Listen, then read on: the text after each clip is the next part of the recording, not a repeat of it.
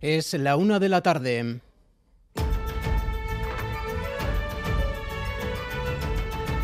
Crónica de Euskadi con Imanol Manterola. A Rachaldeón, dos datos económicos que afectan directamente a nuestros bolsillos para arrancar esta crónica de Euskadi. El primero es que los precios han repuntado en abril. El IPC adelantado que hemos conocido esta mañana así lo indica. Un repunte precedido del descenso del dato de marzo. El matiz positivo es que la inflación subyacente se ha moderado, lo cual puede ser indicativo de que la evolución puede ser positiva.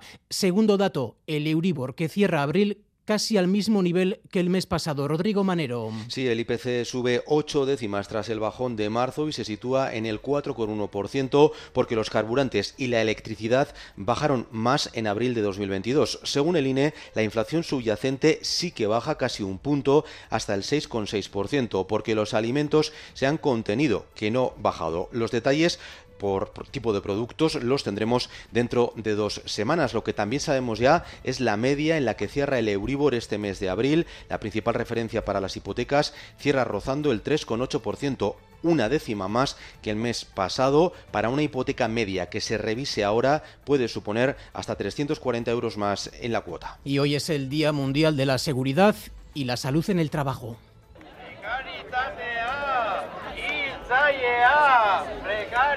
Y los sindicatos han salido a la calle para concienciar de la importancia de la salud en el trabajo y reivindicar más y mejores medidas de seguridad en las empresas. El año pasado en Euskadi se tramitaron al día 102 bajas laborales por accidentes en el trabajo o in itinere. Cuando hablamos de salud en este ámbito laboral, posiblemente nos vengan a la cabeza accidentes físicos. Desde Osalan advierten de la importancia de la otra salud, de la mental. Lourdes Iscar es directora de Osalan esta mañana en Boulevard.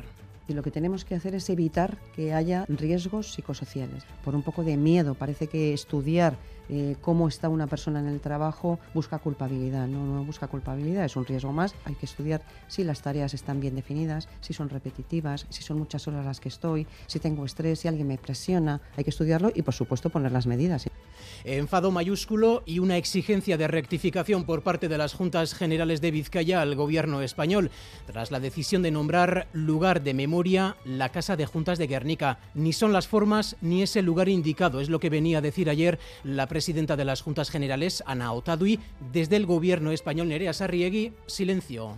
De momento, el Ministerio de Memoria Democrática no aclara si la decisión se comunicó previamente o no a las juntas de Vizcaya. Lo que recoge el BO es que la Casa de Juntas y el Árbol de Guernica sobrevivieron al bombardeo y considera que constituyen el punto de encuentro simbólico entre los territorios vascos. Por eso, dice, es deber reconocer su relevancia y queda justificada su elección como lugar de memoria. La declaración obliga a la Diputación de Vizcaya a proteger el lugar y le da un plazo de 15 días también al Ayuntamiento de Guernica, al Instituto Gogora y a la UPV para presentar alegaciones.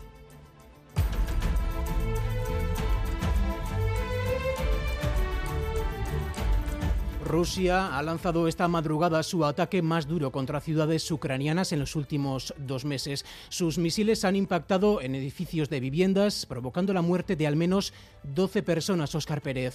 Edificio de nueve alturas en la localidad de Uman, al norte de Nikolaev, ha recibido el impacto de un misil que ha destrozado cinco plantas. Allí son ya 10 los muertos y 23 los heridos. Entre los fallecidos hay dos niños de 10 años. Los vecinos que han salvado la vida se han despertado en medio del horror, llenos de polvo y escombros.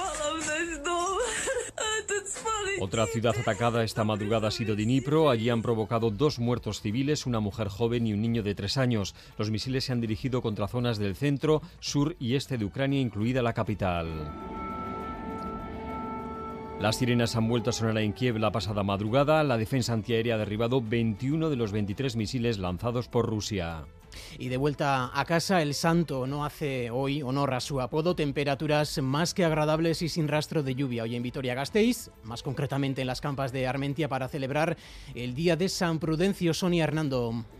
Pues como podéis escuchar, espectacular ambiente con muchísima gente en las campas de Armentia comprando, comiendo, disfrutando del sol, aunque hoy en los puestos los que trabajan, los que pasan aquí más de 12 horas, buscan la sombra. Ya podía estar así todo el día, pero no, no. Aquí en una hora, hora y media ya sí, ya pega ya Lorenzo bien. La verdad que ya llevamos muchos años viniendo y, ya sabemos por dónde sale el sol y por dónde se esconde también. Mucho calor, mucho calor. Sí, luego dentro también, pues como hay gente fuera, también en, dentro estamos 10, eh, al final pasas mucho calor y el tiempo que dicen que dan bueno, pero no importa. La exhibición de que ahí por la tarde la verbena y por supuesto la tamborrada chiqui van a seguir dando ambiente en este día grande de San Prudencio, patrón de Araba. Bueno, enseguida volvemos contigo, Sonia Hernando, y en Pamplona los socios y socias de Osasuna han comenzado a recoger esta mañana en las taquillas del Sadar las entradas para el Estadio de la Cartuja. Estamos a ocho días de la final de Copa y la euforia osasunista Aritz Aguirre se va extendiendo. La felicidad es ese instante de tener en tus manos la ansiada entrada para la final. DNI y el nombre. Vale, ya necesito la referencia que me has enseñado Así estaría todo, ¿vale? Vale, gracias. Cuatro, cinco y seis. Muy bien. Con grito espontáneo incluido. Y ahí, ahí, nos vamos a Sevilla.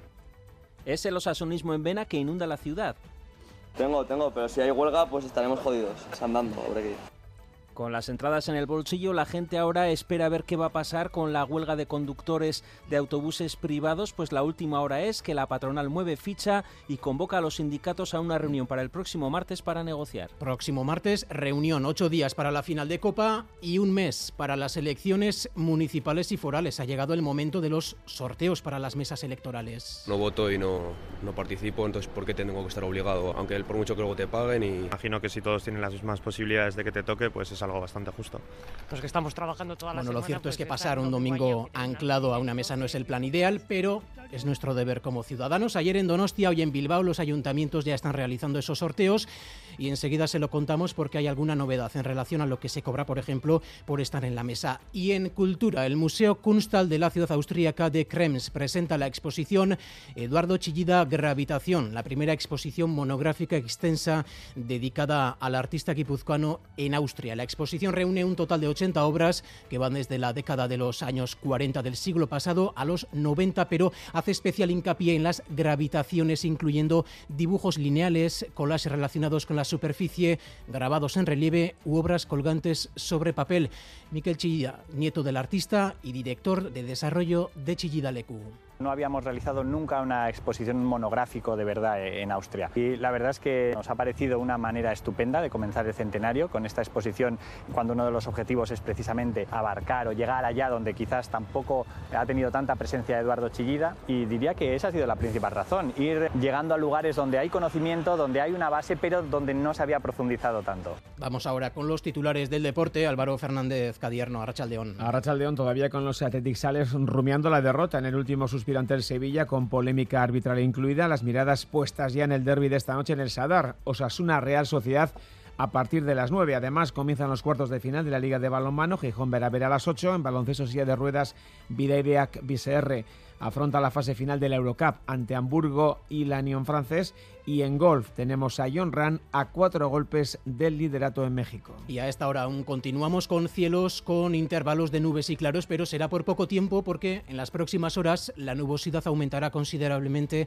y el ambiente a la tarde será gris. No se descarta que se produzca incluso alguna tormenta a última hora del día, sobre todo en Vizcaya. Pero hoy el protagonista vuelve a ser el calor, sobre todo en Araba y en Navarra, calor que remitirá para el fin de semana. Ahora mismo tenemos 25 grados en Vitoria 24 en Iruña, 23 grados en Bilbao y en Bayona y 20 grados en Donostia. Y en cuanto al tráfico, tengan en cuenta que hay retenciones de 2 kilómetros y medio en la AP8 en Irún, sentido Bilbao, donde se están realizando obras. Si arrancamos esta crónica de Euskadi, en la realización técnica Raúl González y José Ignacio Revuelta, en la coordinación Aitziber Bilbao. Crónica de Euskadi con Imanol Manterola.